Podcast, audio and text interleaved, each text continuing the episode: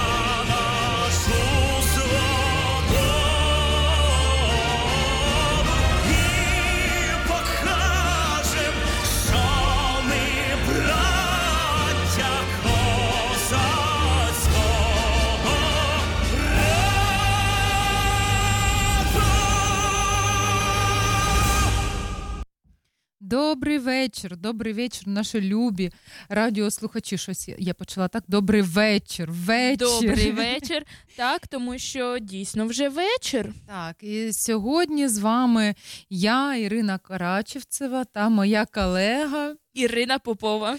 Тобто, в нас сьогодні дві Ірини е, біля мікрофону. І наступні дві години е, ви проведете у нашій компанії, якщо залишитесь на нашій хвилі. Тому що раді вас вітати сьогодні. Сьогодні середа і вже середина тижня.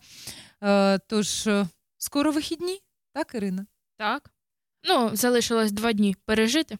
І ще один, і ще один ефір в нас буде першого українського радіо у Нідерландах. Так, бо сьогодні ми щось навіть не сказали, що то за радіо таке ви слухаєте. Тому що вже всі знають. Ну, я також думаю, що всі знають, що це перше українське радіо в Нідерландах. Тож, раді вас вітати і починаємо наш ефір. А сьогодні в нас е, достатньо цікавий ефір буде. Така такий... дуже цікава, тонка тема. Магічна, десь магічна. Так. так, бо сьогодні в нас вночі це ж свято Івана Купала, так? Так. Іванка покупали. Так. Ваньку. І, і Приготували пакети. Так, я не могла промовчати. От. Е, І це дійсно таке. Українське традиційне свято, яке ще пішло з е, часів там язичництва, але ж е, воно дуже цікаве, тому що є дуже багато е, таких. Е, цікавих традицій цього дня, так? І ворожіння. І ворожіння, так. Не тільки не тільки у святки ворожать, а й ворожать ще й на Івана Купала. І е, особливо, як завжди, особливо йде мова про е, незаміжніх дівчат. От Так, сам... так, є такі у нас тут. Так, і в нас є такі е, сьогодні за мікрофоном, тому ми поговоримо саме, як наворожити собі суженого ряженого, угу. е, та ще б такого, щоб він був не маскаль, так? Е, це, це обов'язкова критерія. Так.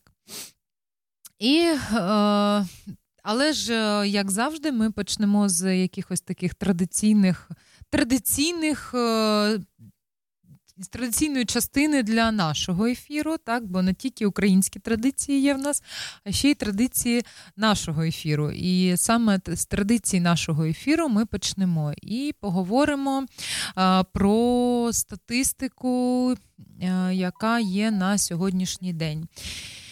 І на сьогоднішній день в нас е, загинуло 346 дітей. Це жахлива, е, жахливі цифри, бо ще е, місяць тому ми говорили про цифри удвічі менші, і це дуже страшно.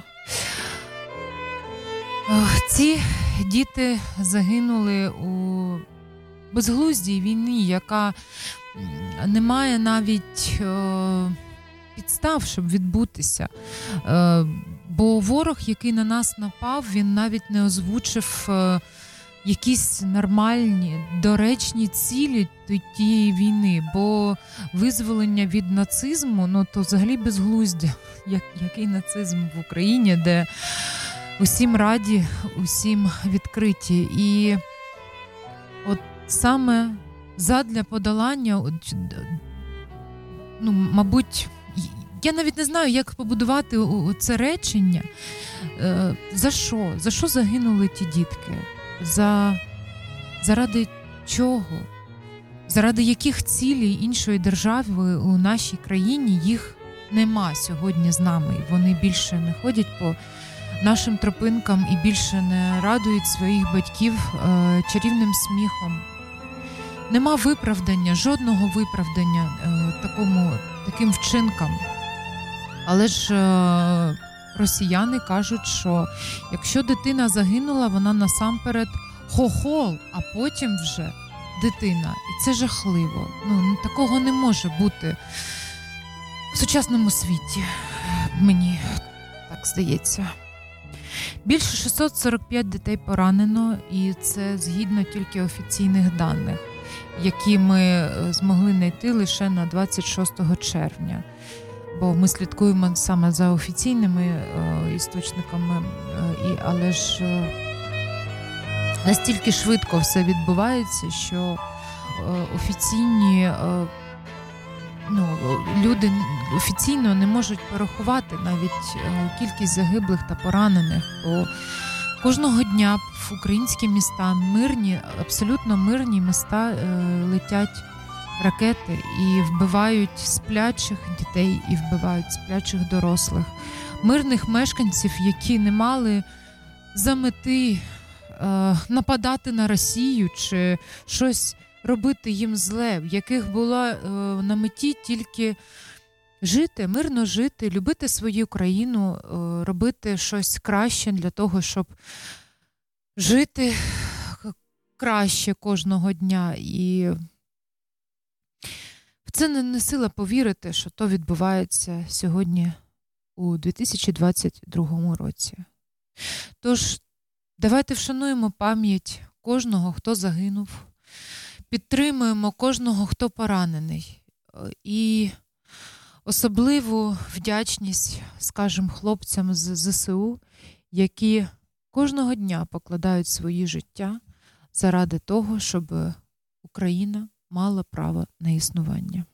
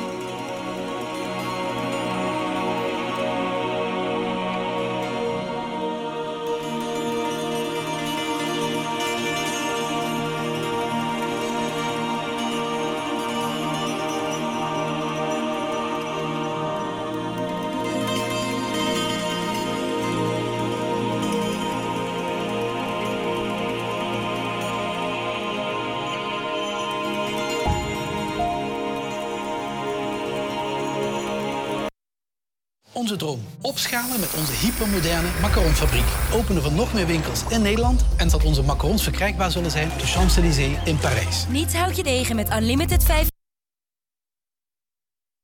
van T-Mobile ondernemen. Latief, welkom bij de Unlimited.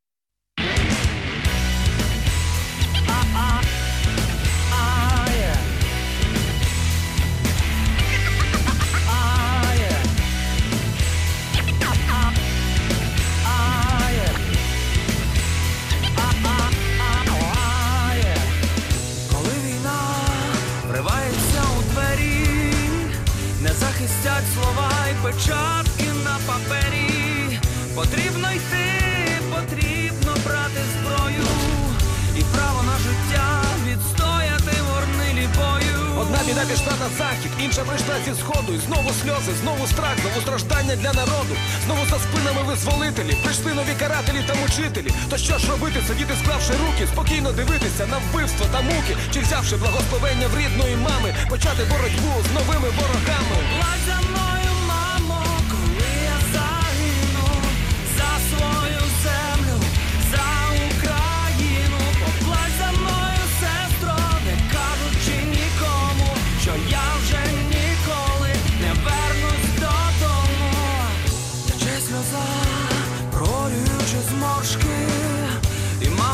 Молиться, хай поживе ще трошки. Вже так давно не бачить сина свого, і ще хоч раз побачити його живого. Я ще тримаюсь, караюсь, мучусь, але не каюсь. Якщо не я, то хто? Зайве питання. Для нас це не проста війна, це визвольні змагання. Людей женуть на схід, немов худобу, принижують, щоб знищити людську подобу і захиститися у цих людей нема ніяких шансів. У них одна надія на повстанців.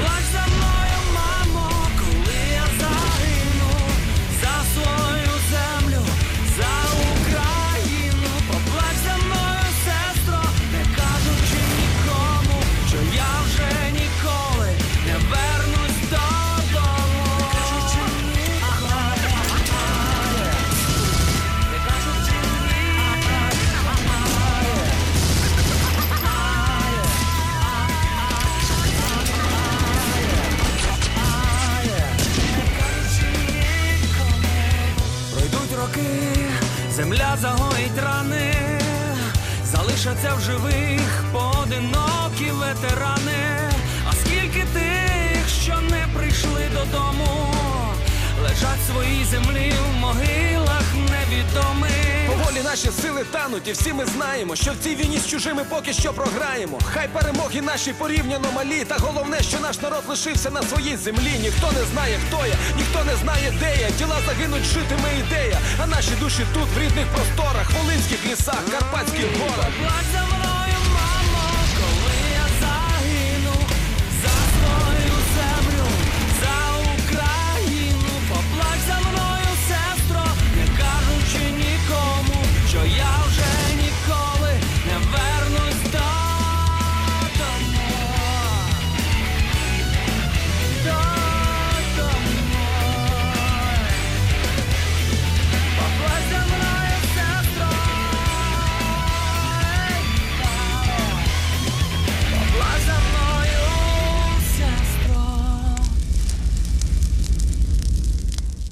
Ми продовжуємо. З вами перше українське радіо у Нідерландах на Дорпс Ти Радіо. зараз як сказала, як отой перекладач з 90-х. Ти пам'ятаєш, що це? Columbia Pictures. Я не знаю, хто такі перекладачі з 90-х. То було, то було дуже жахливо. А ти але- застала ні-ні. 90-ті? Ну так, так, є так, такий грішок. У нас дуже старенька ведуча. Ну як Я дуже жартую. старенька. Ну, Нормально. 90-ті були 30 років тому. Назад. Ну так, так вийшло. Так. Так. У мене пробіг трошки більший. Е, Ми вам обіцяли містичну тему. Тож слухаємо. Ніч перед святом Івана Купала оповита містику. Це час ворожіння, бажань та обрядів. Дуже обожнюю ворожіння. Сонцестояння це давнє язичське свято, під час якого наші предки правосла... прославляли стихії води і вогню, а також духів природи. Раніше його відзначали у день літнього сонцестояння 24 червня за старим стилем. Однак з переходом на григоріанський календар дата змінилася і збігається з християнським святом Різдва Іоанна Предтечі, Хрестителя. Звідси і народна назва Купала.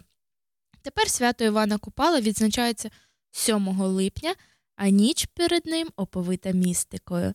Ми зібрали усі найцікавіші купальські вірування, прикмети і традиції для вас.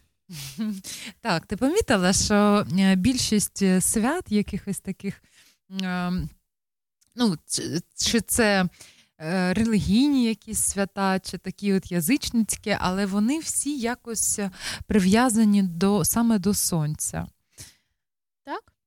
Так? Бо сонце то єдиний такий ну, істочник, істочник, якесь таке дуже росіянське слово. Мені здається. Так. Е, ну, то, то, сонце то життя, так? Вона мені зламала мізок.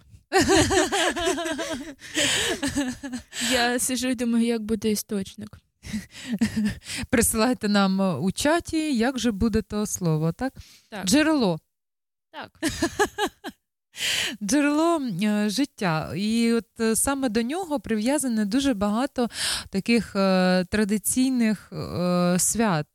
Чи до врожаю, чи, ну, чи посадити. е, Зібрати, Зібрати. так. Ну, саме в, в Україні, бо українці то хл- хлібороби з е, саме з давніх давен. На нас нападає муха, то, то і ми, ми, ми з Іриною втрачаємо Контроль. так, що, що говорити, бо тут муха літає, що з нею робити? Зараз ми її об'їмо і все буде добре. Так, ми е, ці миротворча, миротворча нація, хлібороби. Ми її спіймаємо і викинемо. І, вип, і випустимо на сонечко, так. щоб вона згоріла там. так. І е, саме українці вони е, хлібороби, і дуже багато свят прив'язаних до урожаю. Чи до сонця, так? Бо сонце це також е, помічник у отримання е, урожаю. Але ж Івана Купала то більше свято таке про любов, мабуть, так? Ну, ну, звісно, звісно. Е, Обряди і традиції свята Івана Купала зараз вам розкажемо. До заходу сонця напередодні дня Івана Купала Це сьогодні, вже Так. сьогодні. необхідно сходити Треба в лазню. Поквапитись з лазнію. Треба дуже поквапитись з лазнію. Так, бо скоро буде вечір. Так. Якщо ви не встигли цього зробити ввечері, то потрібно було чекати до світанку, але не купатися в глуху ніч, оскільки існувала небезпека, що русалки або водяни можуть потягти людину на дно в душі. Так. Під гаразд, сьогодні купаємося в душі і прикриваємо е, водосточну трубу, щоб русалки та водяни не потягли нас на дно. Але мені здається, що зараз нас тягнуть на дно лише росіяни. Ну, то моє особисте. Ні, вони дно, а ми туди не потянемось. Вночі Цікавий, ж- так, цікавий обряд. Це розпові, е, розкажи про нього, про вогнище саме. Бо мені здається, що е, вогнище е, то от, е, така. Як ялинка на Новий рік, так вогнище на Івана Купала, так, Так. мабуть. Ну, у нас, мабуть, у кожного свята є свій якийсь такий намасляну. Це, це чудало, кудало, пудало. так, яке також спалюють. та- Також. Спалюють. Гарна така штучка.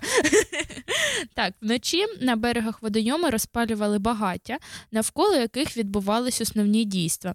Наші предки вірили, що саме в цей час виходить на землю лісовики, відьми та інша нечисть, а вода і вогонь захищають від них. Так, і ми приготували сьогодні ем, плейліст, е, який саме от про це свято. Так? Спочатку про це свято, потім трохи про е, українських жінок і відьом. Вона нас розділила. Ні, ні, е, про всіх. Про всіх. Бо кожна українська жінка трошки відьма. Якщо е, жінка з конотопу, то, то взагалі.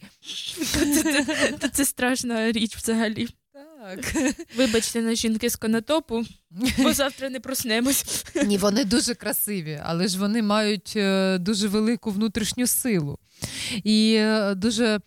Ну, це сприймається як якась е, містика чи магія, але е, внутрішня сила жінки то взагалі, взагалі трошки інше. І сила українських жінок вона особлива, бо українська жінка це така постать, яка може все взагалі, і вона може бути і генералом у домі, і милою, і е, ласковою. Жінкою, е, і хозяйкою, і, і е, дружиною, і все, все, що, все, що заманеться. Вона може бути всім, ким хоче бути. Так. Е, Біля купальського вогнища збирались молоді люди, які водили хороводи, співали і танцювали.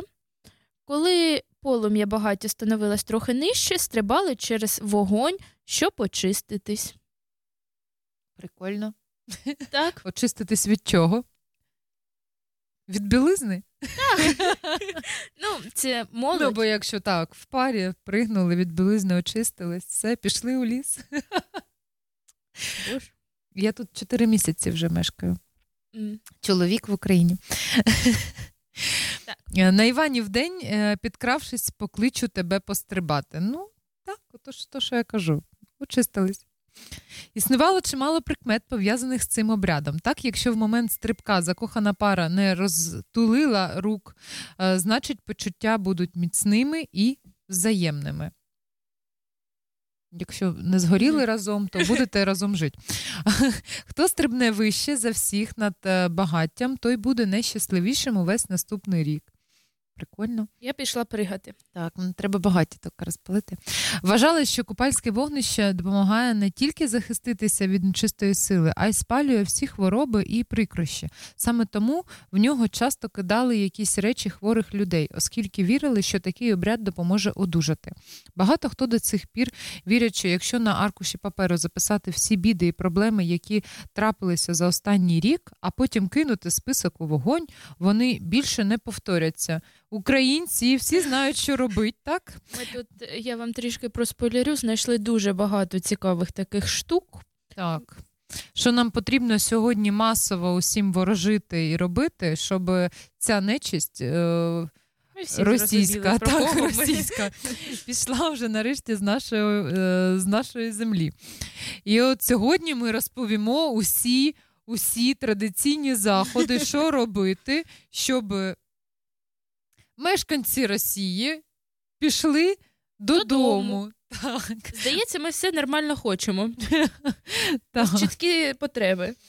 Зі свого дому, з нашого дому, будь ласка, до себе Тому ж додому. давайте розпалюємо всі вогнища, пишемо всі біди, які вона, вона в нас відбулася. Це, це біда одна на всіх. І я думаю, що магічна сила, якщо ми об'єднаємося, буде неймовірна. Тож розпалюємо багаття і кидаємо туди, туди записки з одним, одним побажанням. Всі знають, про що я говорю. Щоб закінчилась нарешті війна, так? Так. Якщо ж людина під час стрибка е, спіткнулась і впала у вогонь, говорили, що окрім опіків її чекає велика біда. Е, Тож дивимось під ноги уважно і стрибаємо обережно. У випадку, якщо е, розворушив багаття ногою, ймовірні проблеми в сім'ї. А ось три вдалих стрибки обіцяли здоров'я і процвітання. Люди вірили в те, що на Івана Купала польові квіти і трави набувають особливих цілющих властивостей, тому їх збирали і сушили, а потім використовували для лікування і захисту будинку не тільки від хвороб, але й також від псування і злих духів. Тож, якщо вам потрібно захистити е, дім від російських ракет, нам не потрібно ПВО. Пішли вночі, назбирали трав, повісили на всі вікна, і ви захищені. Я думаю, ви розумієте, що я жартую, але ж е, в цьому жарті, жарті є трошки правди. Бо якщо ми у щось дійсно віримо, то воно завжди відбувається. І хай ця магія, якщо вірите, що воно допоможе, хай ця магія дійсно допоможе вам врятувати ваші домівки. Бо всі ми знаємо, скільки любові, скільки сил ми вклали в ті домівки, щоб, щоб вони виглядали саме так, як е, дивує росіян, щоб в нас були ті унітази, ми на них роз, заробляли, ми їх е, будували, ці туалети, ці будинки. От, і вкладали е, своє серце і душу в те, щоб воно виглядало саме, е, саме так, щоб це е, радувало наші, на, наше око. Так? І, от, як бачите, око росіян воно також порадувало. Тож, мабуть, трошки музики, і продовжимо про традиції і захист наших домівок. Так.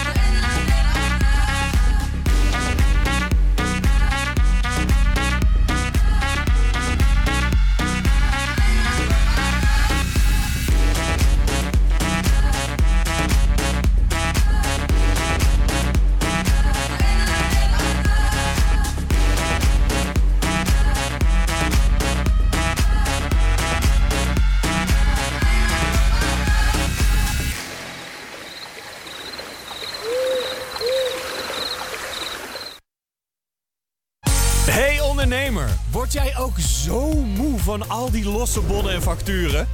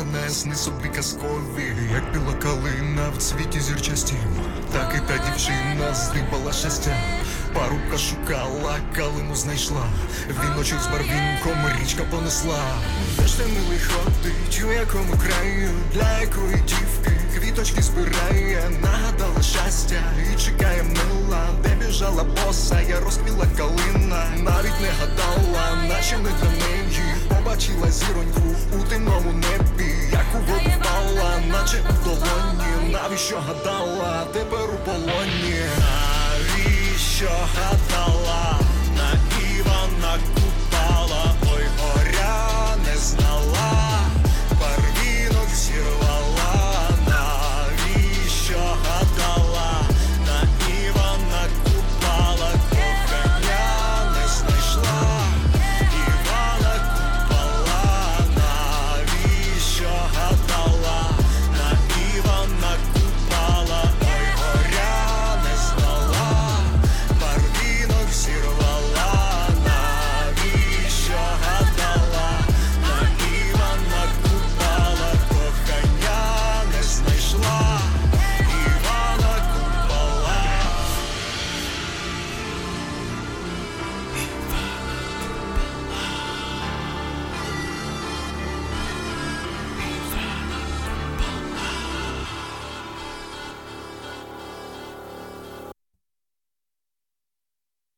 І ми знову в ефірі.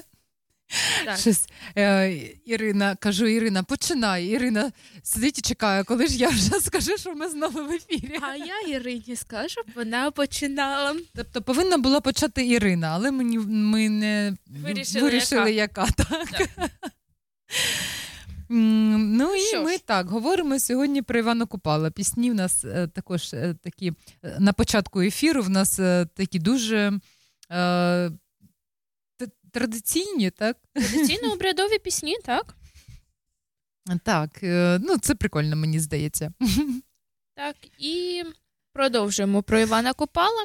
Особливо в цю ніч люди намагались знайти квітку папороті, оскільки вірили, що вона цвіте лише на Івана Купала. Наші предки були переконані, що той, кому пощастить відшукати квітку папороті, навчиться розуміти мову рослин і тварин, а також знайде незліченні скарби.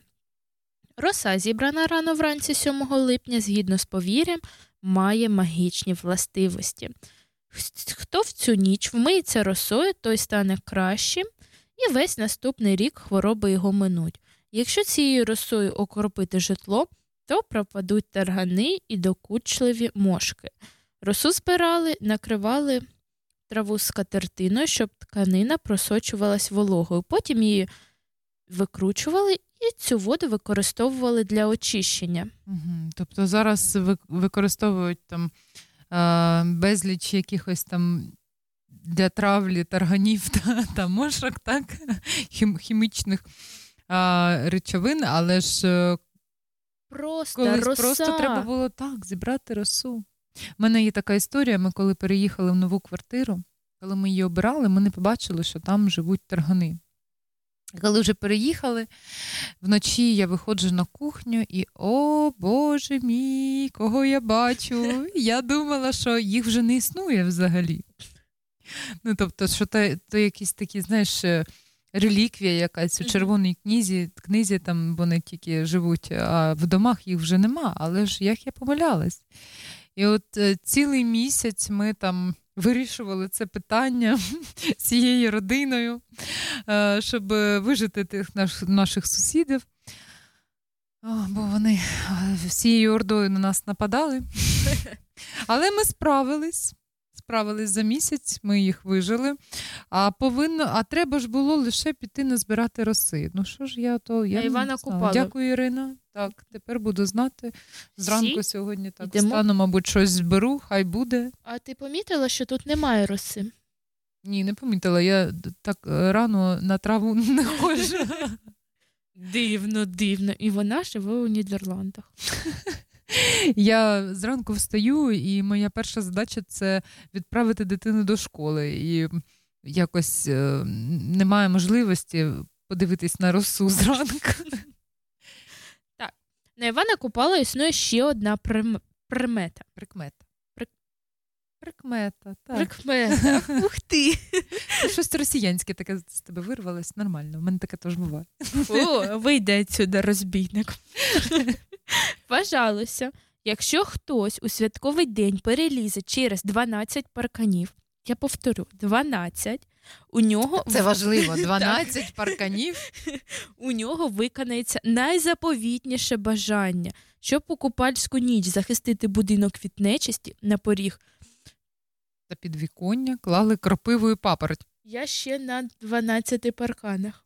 Так, ну то ж спільното, збираємося і вперед через 12 парканів. У нас є одне найзаповітніше бажання. Так, якщо бумажки не спрацюють, То паркани, ну щось треба робити все, щось де спрацює, так? так.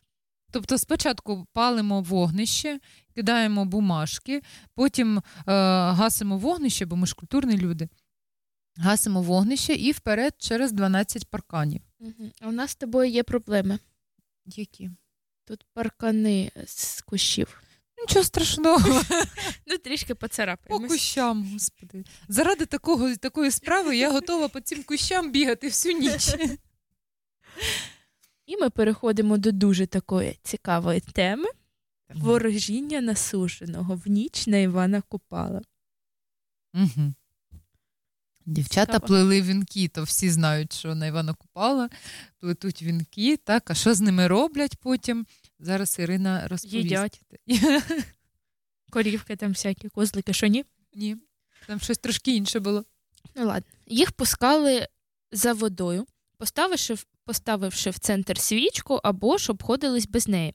Якщо вінок плив стрімко і далеко, а свічка горіла яскраво, це обіцяло швидке заміжжя. О, Ірино, А я знаю трішки географію.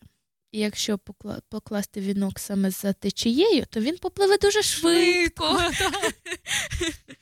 Тож треба знайти таку річечку, яка е, вузенька та швидка, так? Так. Ага. Зрозуміло.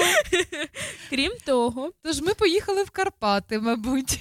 так, із Говерли є ж якийсь струмочок, Та є, певно ж є. невеличкий. Невеличкі. Нам великий не потрібно. Так. Нам потрібен саме невеличкий, бо в А невеличких, краще невеличках, так, в невеличких е, е, річках гірських в них дуже швидкий потік. Тож нам потрібні невеличкі.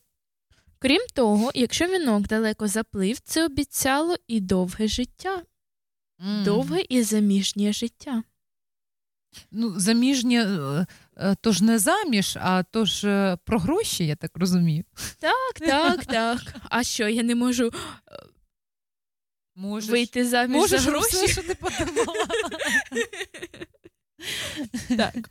Якщо вінок крутився на одному місці або повертався назад до берега, то ви знайшли неправильну річку. То час виходити заміж ще не настав. Якщо він придбався, прибивався до сусіднього берега, значить, десь саме у тій стороні живе сужений. Мгм.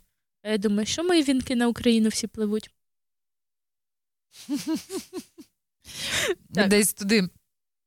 До е, Донбасу, так? Там, де на- наші хлопці Так, ЗСУ туди, до східну, при- східну приби- Україну. прибиваються саме там десь то до 93-ї, то до 92-ї бригади, так? Так. Добре. М, Потонувший вінок був поганою прикметою. Вважалося, що дівчина взагалі ніколи не вийде заміж. О, які е, добрі новини. Бо саме сьогодні ми е, спілкувалися з моїм чоловіком, наскільки е, життя з чоловіком, то легко чи нелегко, чи коли ти мешкаєш окремо, то добре чи не добре. Е, І я дійшла до того виводу, що е, коли ти мешкаєш одна е, у побуті, так набагато легше, бо не треба багато готувати, не треба багато прибирати, не треба. Вона вас зараз відмовляє всіх, і мене в тому числі. Ну, Так? щоб, ну, щоб якщо винок потонув, щоб сильно не плакали. Думаю, так, добре. Ірина казала, що то нормально. І так піде. Але ж е, тут е, справа в тому, що є якісь практичні речі, а є ж почуття.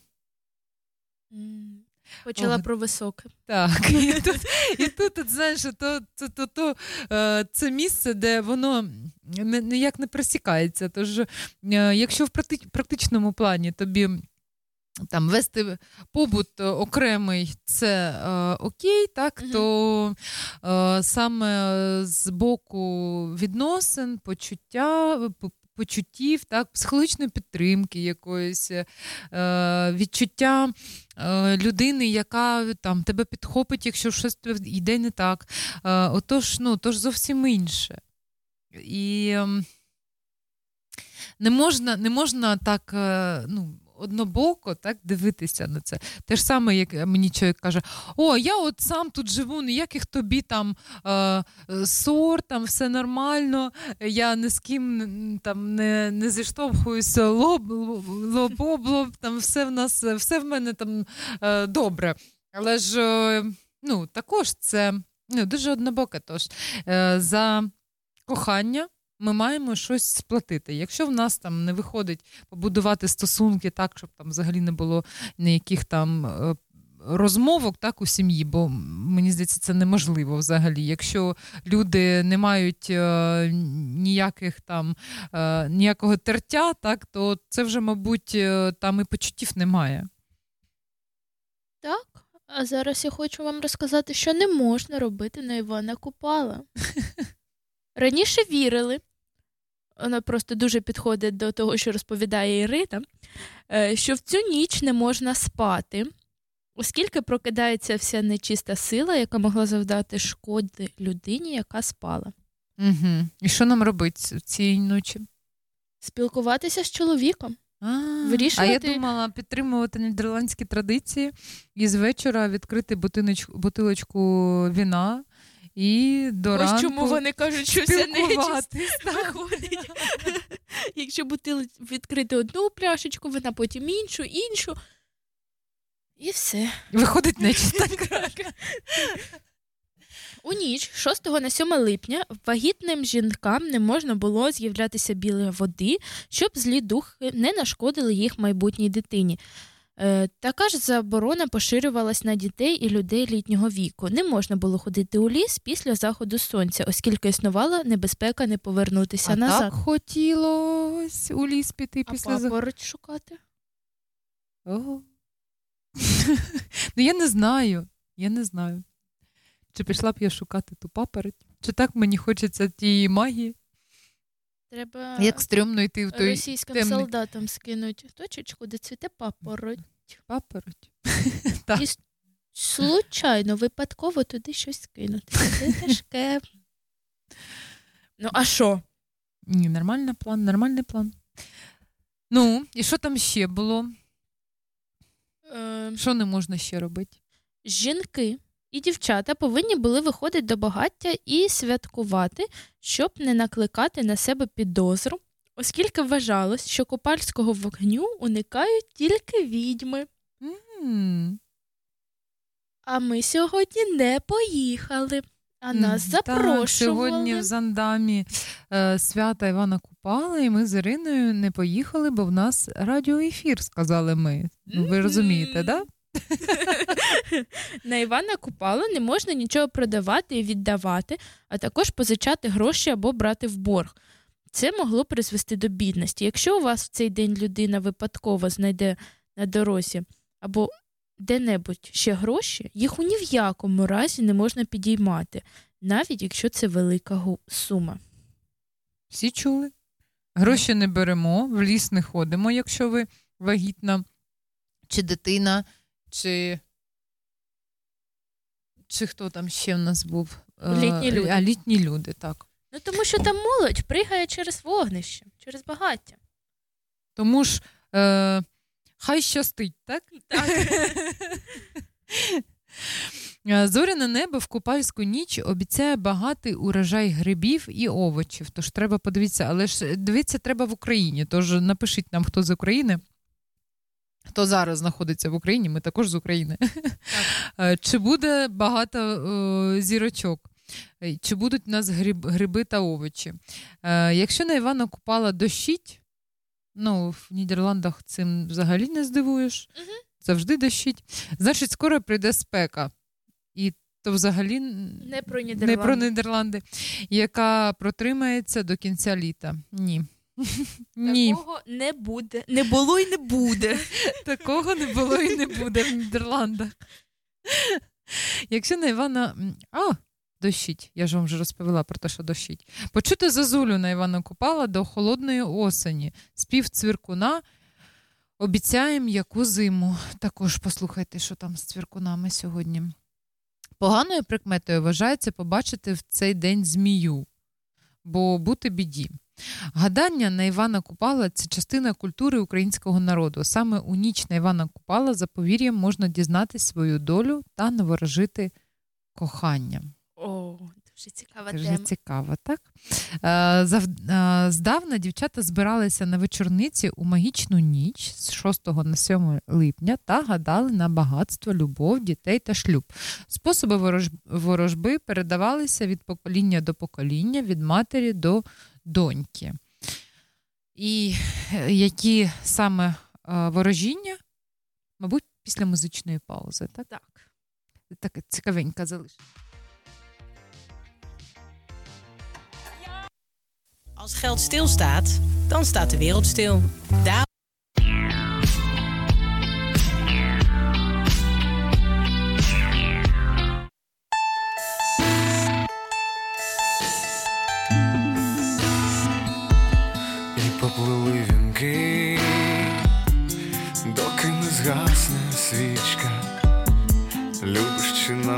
que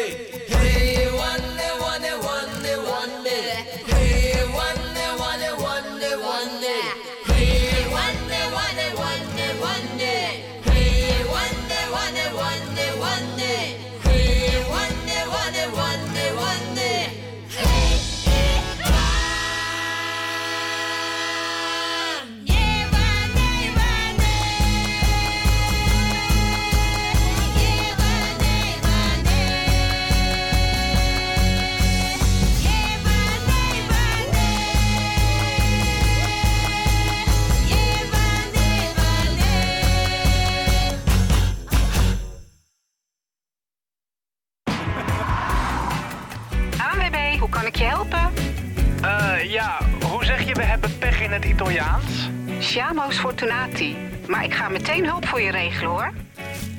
Weg op vakantie? Met Wegenwacht Europa is de beste hulp altijd dichtbij. ANWB, hoe kunnen we jou helpen?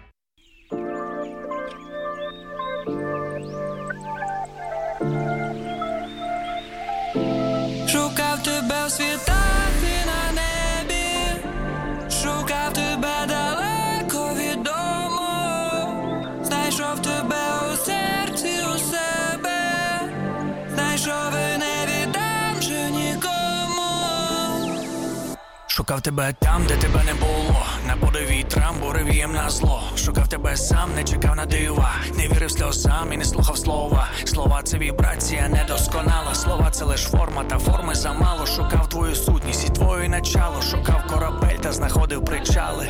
Порожні. Пані вельможні просили, щоб я залишався із ними.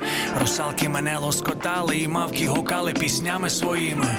Та нашо мені ця богема, і міфи, і легенди без твоїх очей. Шукав вічний шлях і любов, а не пригоду й трофей. Шукав тебе в світах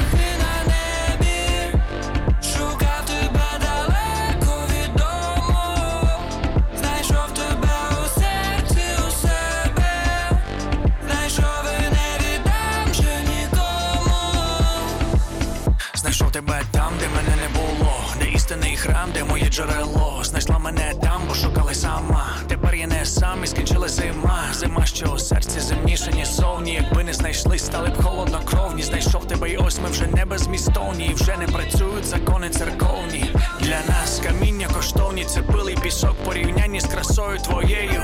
Завжди знав, що з найкрасивішою буду собі однією сім'єю. Тепер знаю бути найбільшим, яким бути можу. Для тебе я мушу. Шукав половинку другу та знайшов рідну душу. Шукав тебе в світах і на небі, шукав тебе далеко від дому, знайшов тебе у серці у себе, знайшов і не віддам же нікому.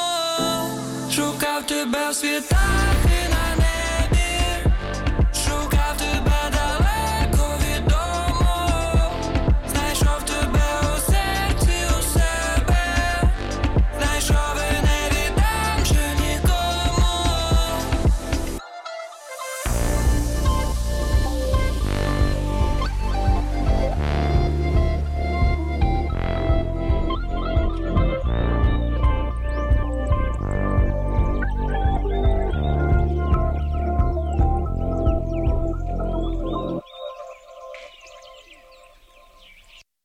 І ми знову в ефірі. Це перше українське радіо в Нідерландах. Такі в нас е, купальські пісні сьогодні. Е, дуже, дуже містичні і магічні, мабуть. Так. Так, і зараз я хочу от розповісти Ірині, як досвідчена жінка, е, як же ворожити насудженого. Не можу сказати, що в мене є такий досвід, але ж Але ж я розповім тобі. Знаєш, як ото люблять, я тобі зараз Дам совет? так, дам тобі с- пораду. Пораду. Дам тобі пораду, я не знаю, що робити в такій ситуації, але ж мою пораду ти повинна вислухати. От. За допомогою різних ворожінь можна дізнатися ім'я судженого. І найпоширеніший спосіб це вийти на вулицю і запитати першого зустрічного чоловіка його ім'я. Саме так зватимуть вашого судженого Ірина. Е, Я не буду Як тобі тут така ворожити. пропозиція? Я поїду в Україну. Та Там, ну, там нормальні хлопці, там, ну, українці, там Нільс, Ганс, ні? Ні, дякую, залиш собі. Там Вім сидить біля, можна піти в нього. Ім'я спитати. Так, Так, ім'я. Вім. Як тебе звуть? О, мене звуть Вім. Чудо, чудо. Так. Інше популярне ворожіння передбачає використання ножа. Це вже Ірина. цікаво. Кого вбити? Для цього попередньо на аркуші паперу потрібно накреслити коло і вписати по колу всі букви алфавіту. І після того потрібно поставити ніж по центру і покрутити його. На яку букву буде показувати вістря ножа, на неї і буде починатися ім'я судженого. М'який знак, Це, наприклад. це мені більш подобається. М'який знак. Підійде? Геннадій. Геннадій. В мене е, однокласник є. Геннадій дуже, дуже добра людина. Я просто думаю, які є ще ім'я Гоша Геннадій. На Г. А що на Г? Ну, тому що мені так захотілося. Ніж тобі показала? Так. Ну, добре. Також можна написати записки з чоловічими іменами на листочках. Але ж тут е, є маленький нюанс. Е, Вибір е, хлопців буде тільки з тих, з тих імен, які ти знаєш. А якщо якесь ім'я, Я яко... одне напишу разів сто, одне й те саме. То то кохання, нафіга тобі ці, ці всі ворожіння, розумієш? Пішла сказала так. е, Я тут вирішила, що я напишу твоє ім'я сто разів, щоб його е, однозначно Витягнути. Так, тому пішли вже в ЗАГС і е, хвати, хвати ото відкладати ці справи. От, скрутити в трубочки, які необхідно покласти під подушкою. Після цього слід лягти спати. Вранці прокинувшись. Так, в мене пішли тут трошки несостикування. Тобто спати не можна, але треба спати. Я правильно Так. пам'ятаю, що тільки Так, ми так, казали, так. що. Ага, ну треба лягти спати, якщо що. Ну, то якщо ти бісів не будеш боятися і спати будеш у купальську ніч, Мгм. то чоловік тобі взагалі не страшний. Є цікаве ворожіння. Теж, ну, типу, не на ім'я, а треба взяти свій гребенець для волосся, не розчесувати волосся на ніч, покласти його під подушку, заснути в ніч на Івана Ага. Купала, і вночі він тобі присниться. Грібенець? Сужений, Ірина. Та, о, ворожіння на папороті. Може, то ти мені розповіш? Роз- Розповіси, бо ми е, під час, поки музика грала, е, розмовляли про те, чи квітне взагалі папороть, взагалі хоч десь, хоч колись. Це взагалі можливо? А я, а я загуглила. І? І що мені сказав Гугл? Зараз ні, але ми ж не знаємо, що було раніше, типу, коли. Тому що я, ну, в мене є така теорія, якщо є така традиція шукати цвіт папороті, значить вони ж не просто з неба це все взяли. Так, може, суть цієї традиції саме в тому, що папороть Ні, ніколи не ні, цвіте. ні, і ще раз ні. Неможливо знайти ту, ту квіточку папороті. Ні. Ну, гаразд. Папороть є. Біологи там зараз хватаються за голови і кричать: О Боже, папороть цвіте. Вони просто не бачили. А я бачила. 30 разів. я жартую. Так, папороть є чи не одним із найголовніших атрибутів свята Івана Купала. Легенди про пошук квітки цієї рослини відомі ще своєї давнини. Однак мало хто знає, що з допомогою папороті можна ворожити на ім'я коханого. М. Для цього дівчата брали листок папороті і загадували на кожен маленький листочок ім'я хлопця. На всіх листочках необхідно пов'язати по нитці різного кольору. Потім папороть занурювали воду і притискали до дна посудини той листочок, який найшвидше виринав, і вказував, як буде звати кохану людину. Тож треба запам'ятати, як, на яке ім'я, яка, е, яка ниточка. Дві-три ниточки досить.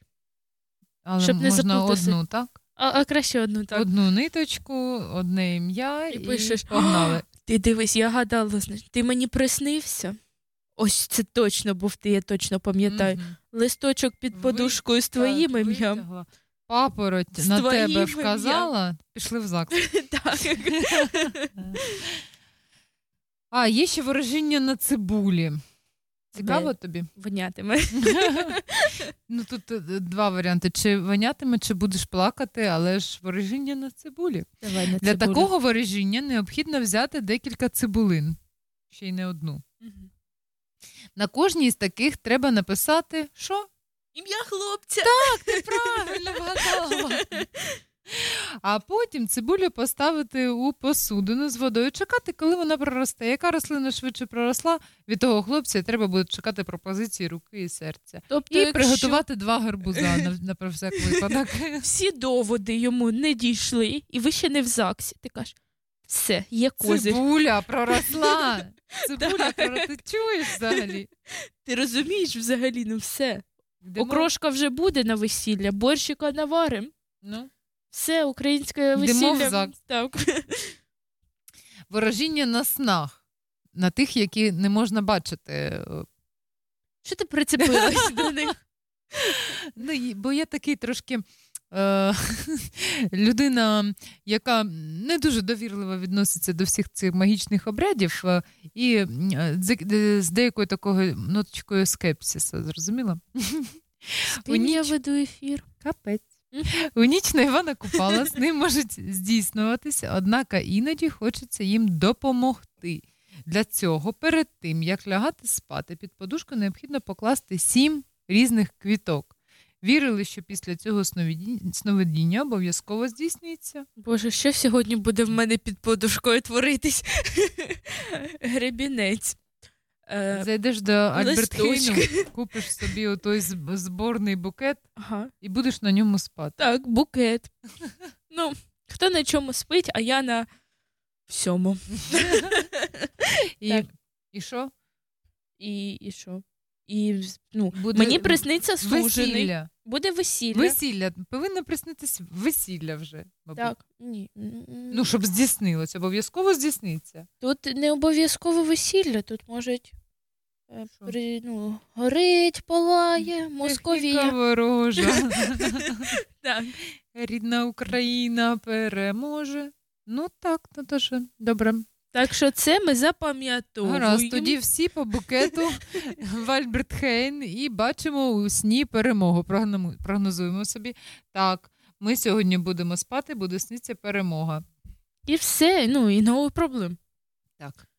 Ворожіння по багаттю. О, це цікаво. Ну. Зазвичай у святкову ніч Івана Купала молодь розводить велике багаття і стрибає через нього. Існує повір'я, що коли полум'я не торкнулось стрибаючого, це сприятливий знак, що пророкує дівчатам швидке і щасливе заміжжя, а хлопцям успіх у справі і коханні. Угу. Хлопці, пригайте, стрибайте, бо Високо. Е, так, бо успіх у справах то дуже важливо. Мабуть, навіть важливіше, ніж у коханні.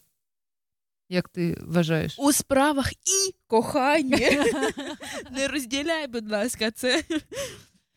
Ворожіння по вінку. Також увечері на заході сонця дівчата плетуть вінки з лісових польових квітів, після чого вони, загадавши бажання, опускають їх в озеро чи річку, і якщо вінок поплив далеко, тоді бажання обов'язково збудеться. Ми про це казали вже трошки про вінки. Але якщо вінок через нетривалий час пристав до берега, недалеко від місця, де його опустили в воду, прийдеться чекати до наступного року, щоб знову випробувати свою долю. Треба взяти човник невеличкий і пускати з середини озера. Так, щоб точно. Ворожіння по колах на воді. Для такого незвичайного ворожіння на Івана Купала, щоб краще дізнатися про свою долю із суженим, у широку і глибоку миску найперше наливають воду.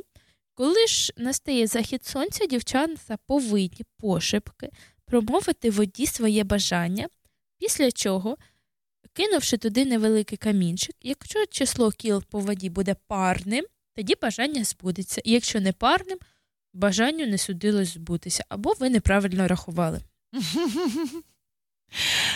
Так, ворожіння по квітах. Недарма ж на свята Івана Купала закохані шукають квітку папороті, яка розквітає лише в купальську ніч. Розквітає. Я, так, я ж зрозуміла, що розквітає, але не розквітає. Мені на біології казали. Тобі неправильно казали. Мені правильно казали, вона не квітне. Саме тому з, з таким незвичайним вираженням насудженого, як з квітами, дівчата приділяють найбільшу увагу. Ввечері напередодні свята дівчата сідають у коло, попередньо зібравши всі разом найрізноманітніші квіти. Одна з дівчат вибирає квіти по одній, промовляючи, кому ця квітка дістанеться, а інша дівчина, яка сидить спиною до квітів, називає ім'я будь-якого з присутніх. Після цього, яка квітка кому дістанеться, судять про ставлення до себе задуманого хлопця. Ворожінь. е, Це понесло Остапа. Ага. Там вже про воска, я ще про квіти не можу зупинитися. Я, я просто спробувала зрозуміти, що як це робиться. Тобто, Тобто- сіли по колу. Так. Ти береш багато квітів, і кожній квітці даєш ну, ім'я хлопця, який тобі подобається. Який не подобається, не беремо до уваги. І тобто кожна квітка значить, е, наприклад, це наприклад, це не точно. Е, калина, ви одружитесь, папороть, у вас буде багато дітей. І так далі. Ага, і кому що дістанеться, так? З кимось у вас буде дружба, з кимось у вас не буде нічого, Угу. Прикольно. бо він капулеті, а ти монтекі. так. Ворожіння на вилитому воску. Це вже цікаво. Бо яка відьма не ворожить на воску. Для ворожіння треба поламати звичайну воскову свічку, розтопивши у ложці над вогнем з купальського вогнища та вилити в чашку з холодною водою. Отриману фігурку треба потримати над вогнем та подивитись на її тінь. Що побачите, то й буде відповідь на задумане вам питання. Ну, Тут Зараз я розкажу треба тлумачення фігур. фантазії, так? Трошки фантазії. Ну. Так. Обручка або корона до швидкого весілля. Зрозуміло? Так що там не може бути нічого, крім обручки, дівчата. Угу. Але скринька або гаманець до багатства. Тож Оце мені вже більше подобається. що вам там хочеться побачити. Серце до міцної любові, прапор до неочікуваного гостя. Ось що нам всім показалось в тому році. Зірка до успіху. Думаєш, що всі бачили прапор? Так, я в цьому впевнена. Але ж гість в нас взагалі дуже неочікуваний. Так. Ну як? Ну, ну, ну, що не зрозуміло. Зірка до успіху, квітка до нового шанувальника, людина до появ хорошого друга, хвилеподібна фігура до виконання бажань. Нам таке теж підходить. Так. Смуги до приємної подорожі. Боже, я вже чого, ворожу. чого? Подорожі в нас цього року. Додому подорож. Пош, пош, пошкоріше. Пошкоріше. Пошкоріше треба. Що ж, що ж, що ж таке? То. Треба, мабуть, вже послухати трохи музики, щоб вже не, не було пошкоріше, так? Так.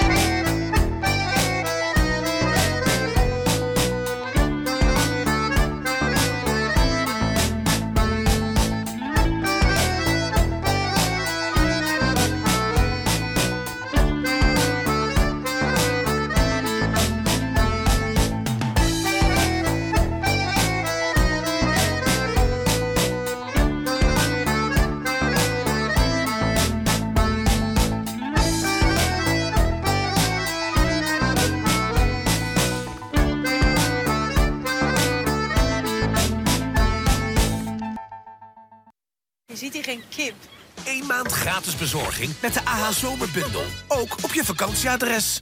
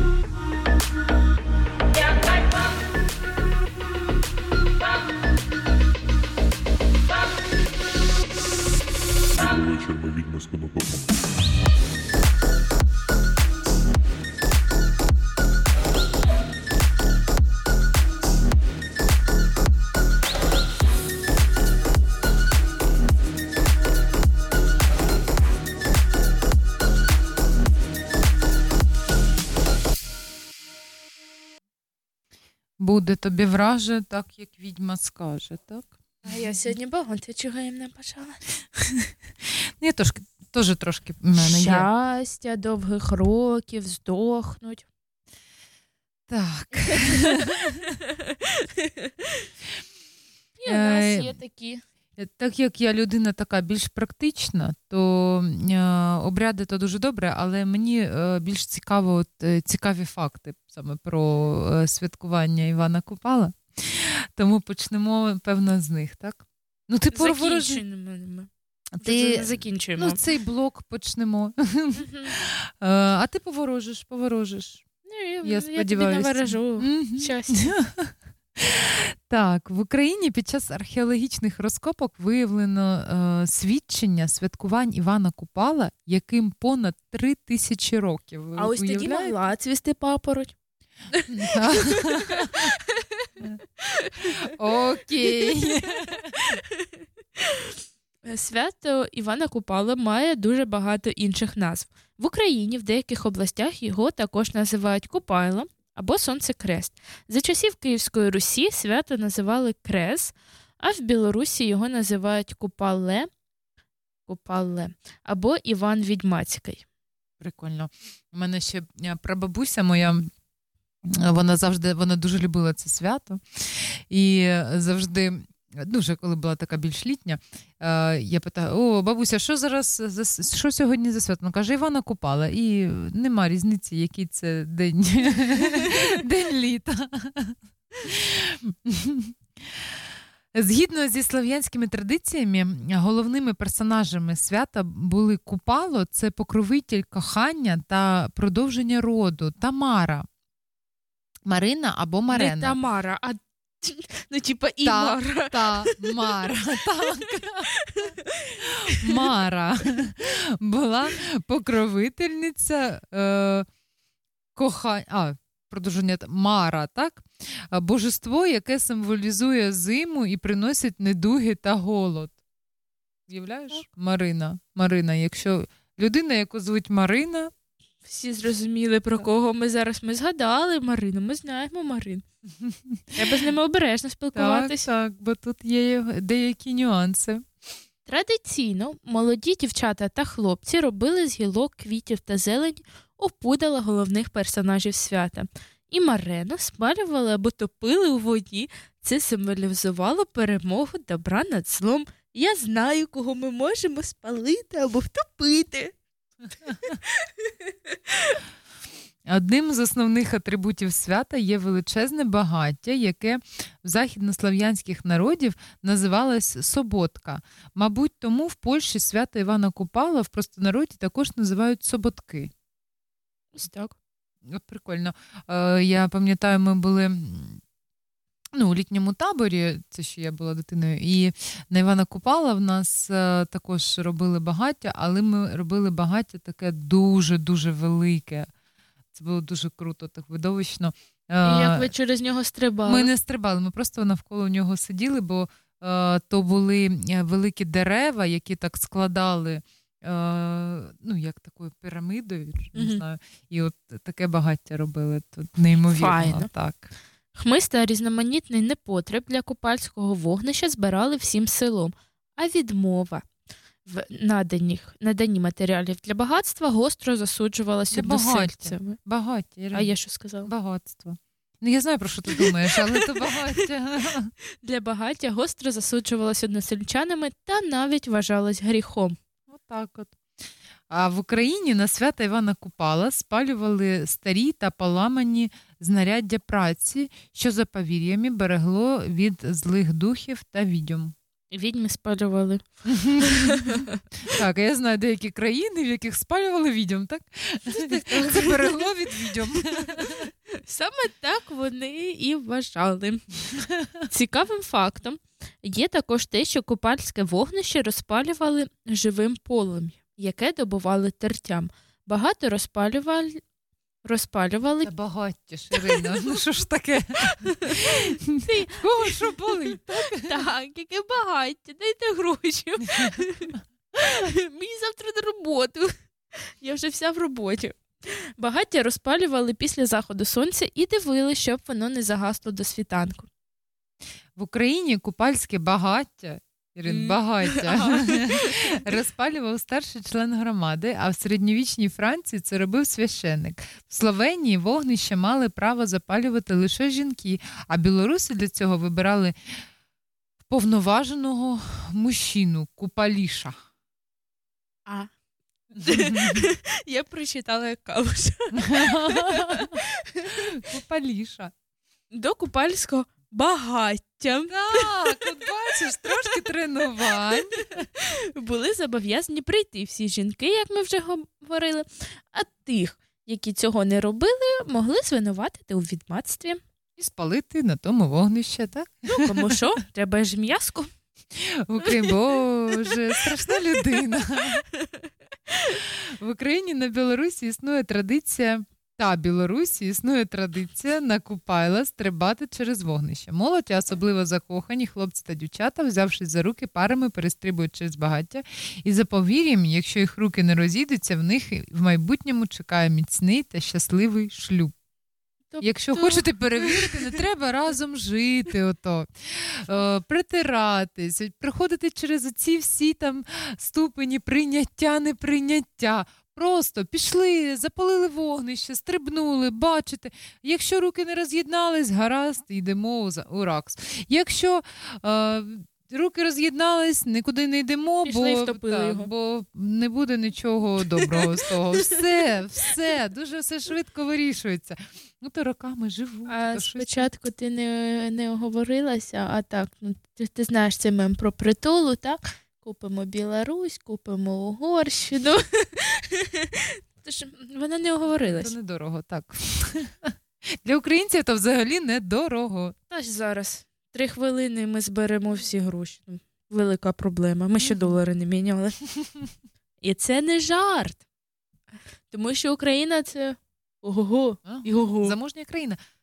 Так. Аби не русня. Вважали, що на залишки купайського багаття мали магічну силу і могли покращити врожай та вберегти від злих сил. Вугілля та попіл зі святкового вогнища закапували в полі, а також приносили додому та в печі розводили нове багаття. Цікаво, на, цікаво. на багатство, так? На багатство. В українській міфології цілющі трави вирощували мавки, які знали всі їх лікувальні властивості, а на свято Купайла будь-яка цілюща трава ставала значно цілішою, сильнішою. Сильнішою, так. І Сильнішою, саме сильнішою. тому, саме тому ми слухали пісню про мавку декілька пісень тому. мама Ріка співала нам про мавку. Так. Мавка це дуже цікаво. Так, за старослав'янським повір'ям в купальську ніч оживає всяка нечисть і потрібно остерігатися витівок домовиків, водяників, лісовиків та русалок. І сусідів. Тих, що там. Витівок. Вони можуть е, робити витівки не тільки в купальську ніч, але ще в ніч з 23 на 24 лютого. Вони проснулись раніше часу. В Україні От купальська де вони. ніч настала дещо раніше в цьому році. Ну, І ми ніяк не можемо цю нечисть тепер заспокоїти. Хто ходив до води? Не я. На Івана Купала дівчата збирали полин, оскільки вважали, що його бояться відьми та русалки. А, так, а також блохи в підвалі, я знаю. Хто про що? Полин носили на поясі, вплітали у вінки, встромляли у вікна будинків і воріт, щоб перегородити шлях відьмам. Угу. От в тому році не зробили і все. А ну. ми з матусею, з моєю, е, коли я була ще маленька, мешкали в будинку, і там у нас у підвалі дуже часто заводилися блохи. Ну, бо там жили там коти, собаки, ну дуже багато було там. І ми з нею ходили, рвали полинь та розкидували у підвалі, щоб там не водились блохи. Він же ж воня. В- так, ну. Тому блохи там і не мешкають, я тобі скажу. А коти собаки. І коти собаки також. Коти собаки перестають там жити, і блохи також виходять, бо їжі немає, розумієш? Немає їжі, немає життя. От, е, і в нас та купальська ніч була кожного разу, як наставала оце, ну, жаркий такий період літній. І з'являлись блохи, ми йшли по полин. Така в мене цікава історія, так? Вважали, що на Івана Купала навіть кропива отримує магічну силу. На Полтавщині перед купанням в річці її кидали у воду, щоб захиститись від русалок. Цікаво. Так. Також, за повір'ям, куди пливе вінок, з тієї сторони варто чекати суженого. Купальські розваги супроводжуються піснями, в яких оспівувались дівочі мрії про заміжжя. Ось чому ми про це сьогодні так багато говоримо. Оскільки восени традиційно наставала пора весіль і пора вручати гарбузи. І гарбузів, так. Гарбузи якраз е, постигли, стали такими красивими. Мені І було якщо хлопець цікаво. не такий красивий, як гарбуз, то Це ж гарбуз. Ну в Україні гарбуз такий, щоб, Ну, його да. підняти, треба мати гарно дуже багато сили. А я тобі казала, жінки українські, вони неймовірні. Це якщо два-три гарбуза винести. То можна стати дуже сильною жінкою, і тоді чоловік взагалі не потрібен. Так. Вважалось, що вінки також наділені цілющною силою, а зілля, з якого їх зроблено, може вилікувати від різноманітних хвороб. У вінки часто вплітали троянду, базилік, барвінок, ожину та цвітущу папороть. Цвіту- От саме квіточки і квіточки папороті вплетали у ці вінки. Ви розумієте? Ірина, Це тільки закохані, які Ірина- її знайшли. Ірина вплітала у вінки. І трішки відсебячені. А я дуже люблю базилік. Мені подобається Фу. м'ясо готувати А з вона базиліком. цілий день про вонюче. Сьогодні е, розмовляли з Іриною про те, що е, як е, зрозуміти, що е, жінка вже ну, така не, не дуже молода, вже така стигла. Дуже Ну, гарно про жінку. Так, не сказати, що там стара, так? Стигла жінка. А, так от, я кажу, то я, коли тобі буде за 30, е, спочатку кажу, ти будеш е, любити оливки. Вона каже, я їх вже люблю. Кажу, Я ось такого не казала. перша, перша, перша сходинка вже пройдена. Кажу, потім, потім ти будеш любити Сир. сир з Бе. З плесенью. плесенню. Так. Ні, ну, вона зараз ще цього не розуміє, але я знаю, що десь років через 5-6 Мені не буде їй- 30. то буде, їй не буде ще 30, але сир вже прийде в її життя саме з плесеню. А, і е, наступний етап це е, шоколад. Це чорний. не шоколад. Це чорний шоколад, де 100% какао. От сьогодні ми їли саме такий шоколад, і Ірина сказала: Боже, як ти їш цей цих доту. Я кажу, та дивись, воно ж смачно. Це ж смакота. Це гірке, щось таке незрозуміле, що взагалі не варто тягнути в рота. Це смакота, кажу я тобі. От, а потім ти будеш пити каву без цукру, і все буде в тебе добре. Ти вже будеш нормальна стигла жінка. Дякую. Дуже. От тільки мені кави без цукру не вистачало. Взагалі, я на нащо тоді жити? Сир пропавший, це і як кухар говорив. Вонючий бузілік цей, який воняє. Кава. Рукола. Руколу я раніше любила, а зараз її ненавиджу. Вона мені вже тут, тут ну, тут дуже люблять так. Її дуже багато е, додають у всі страви, у всі салати, все тут рукола тут ну, дуже таке популярна. Травиця така. Не, не тільки та травиця, а ще й рукола тут популярна травиця. Ну, Вони взагалі люблять таке все. От таке. Травку. Так. У слав'ян існувало повір'я, згідно з яким тільки один раз в році в ніч на Івана Купала цвете папороть. Міфічна квітка нібито дає тому, нібито дає тому, хто її зрізав можливість, можливість дає. Дочитуй, будь ласка, цей факт. Бачити всі скарби, ставити нев... е, ставати невидимими та навіть розуміти мову тварин. Так, я саме хотіла, щоб ти прочитала цей факт. Всі чули, з її вуст це було. Не з моїх. Нібито, нібито там було головне. І що? Там було головне це слово нібито. Я його Тобто це така міфічна квітка. Там також була така, така Ні. міфічна квітка. Нібито дає тому, хто її зірвав можливість. Нібито, Ірина. Значить, квітка, яку зірвав, дає можливість бачити всі скарби. Але папороть не квітне. Ви, я думаю, ви розумієте це. І хто трошки вчив біологію, знає, що папороть не квітне. Але сьогодні таке 9 магічне, по біології. магічне свято, в, яко, в якому можна вірити в, про все взагалі. А я на початку ефіру казала, що якщо ви дуже в це вірите, то, мабуть, навіть папороть розквітне. Так? Так. Так. Ви цього дочекалися. Так, ну і що? Трошки музики. Так. А потім попрощаємось і трошки анонсів. Так? Зачекайте трошки анонсів, і, е, а поки що українська музика.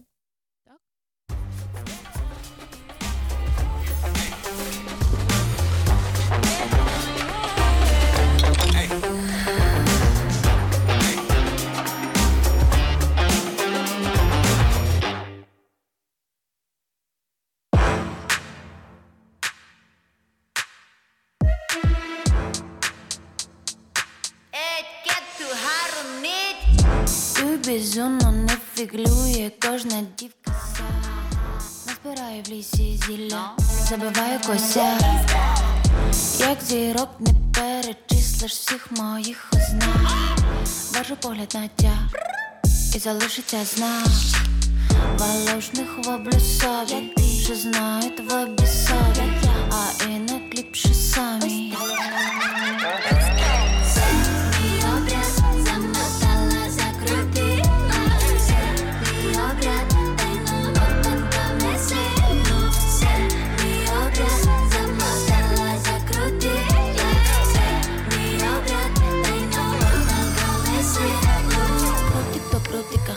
хрестик до хрестика На мені етніка, дика естетика Крутик до крутика, хрестик до хрестика На мені етніка, дика естетика Швидко мечиком не чуєш і на ким не годна Я сама по собі, села в мене неприродна. Всі мене чекають, наче праздник великодній тому зі справа моє тіло прохолодне Такі моє соники, як павіляться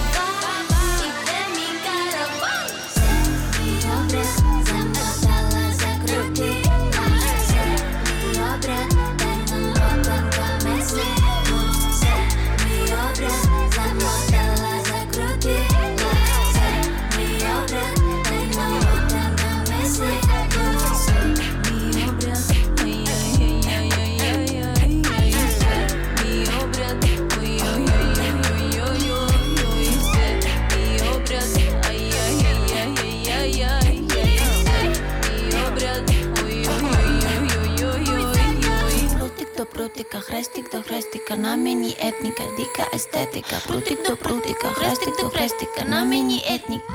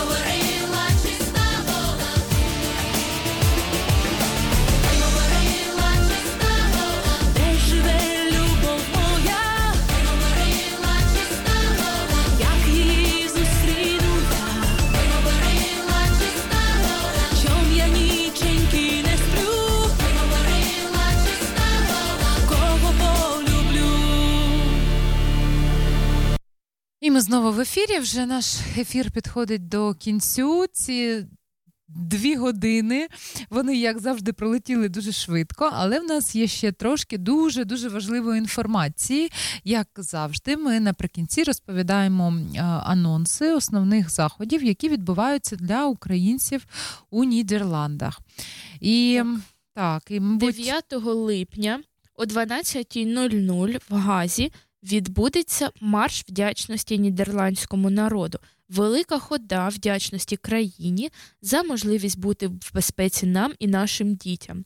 Збір за адресою Plain 1813. Це там такий великий пам'ятник. Мгм. Цю всю де ми збиралися на марш е, Так. матерів, так? Так.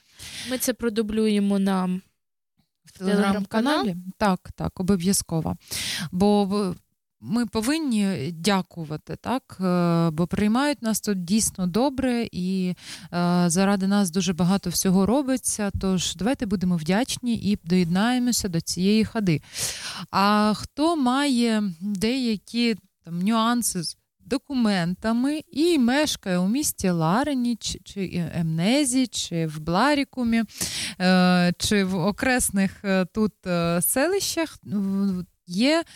Дуже важлива і дуже цікава новина, бо е, в цю суботу, 9 липня 2022 року, в зданні Рабобанку е, буде проходити зустріч з посольством України у Нідерландах.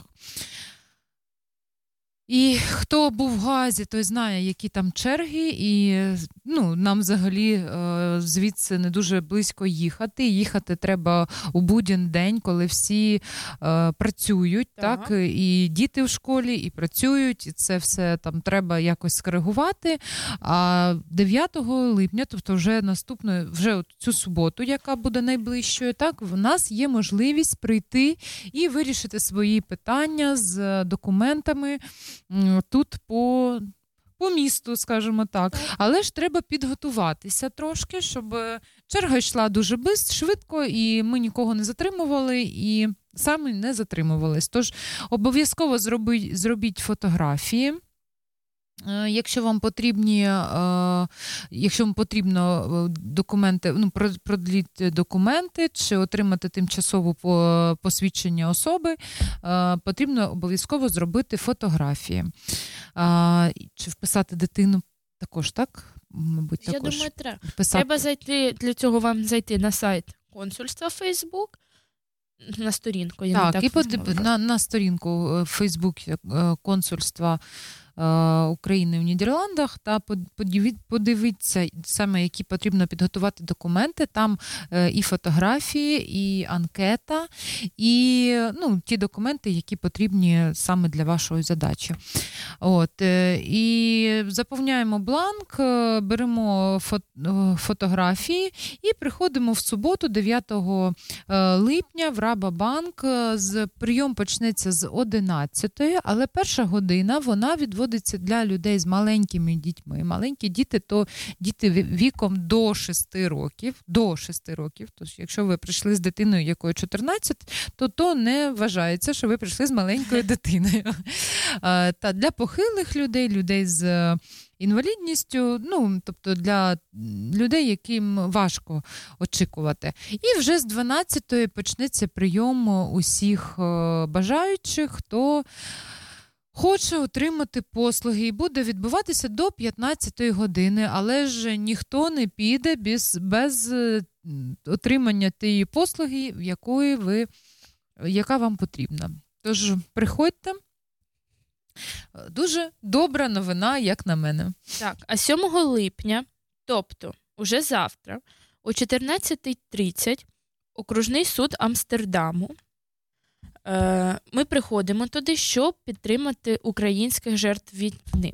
Відбудеться мирний протест проти голландських компаній, які сприяють війні та порушують права людини в Україні. Голландський фонд, який представляє інтереси жертв війни в Україні, подав позов проти нідерландської компанії Просус, звинувативши її дочірну компанію Avito.ru, яку знають майже всі, в допомозі Росії вербувати солдатів і офіцерів на війну проти України. Ну так, бо на Авіто дуже багато об'яв, де е, саме запрошують е, солдатів, е, ну, чоловіків на службу в армії. Тому ж е, це, Так. ну, так, це, це дуже Також вони там продають така наші ситуація. Награблені всі речі, унітази наші хвалені, І все труси, там, так. Так, тому Тож- ж ну, треба щось зробити за Віто, і ми всіх закликаємо прийти і впливати на цю ситуацію, бо так продовжуватися не може. Вже завтра, в 14.30, окружний суд Амстердаму, не в Газі. В Амстердамі. Всі запам'ятали? Чекаємо вас в Амстердамі о 14.30. А на сьогодні ми вже будемо закінчувати наш ефір і до зустрічі у п'ятницю. Будемо чекати вас ще на дві години української музики і українських розмов. Па-па! 98% natuurlijke oorsprong. De formule is vegan, geen siliconen.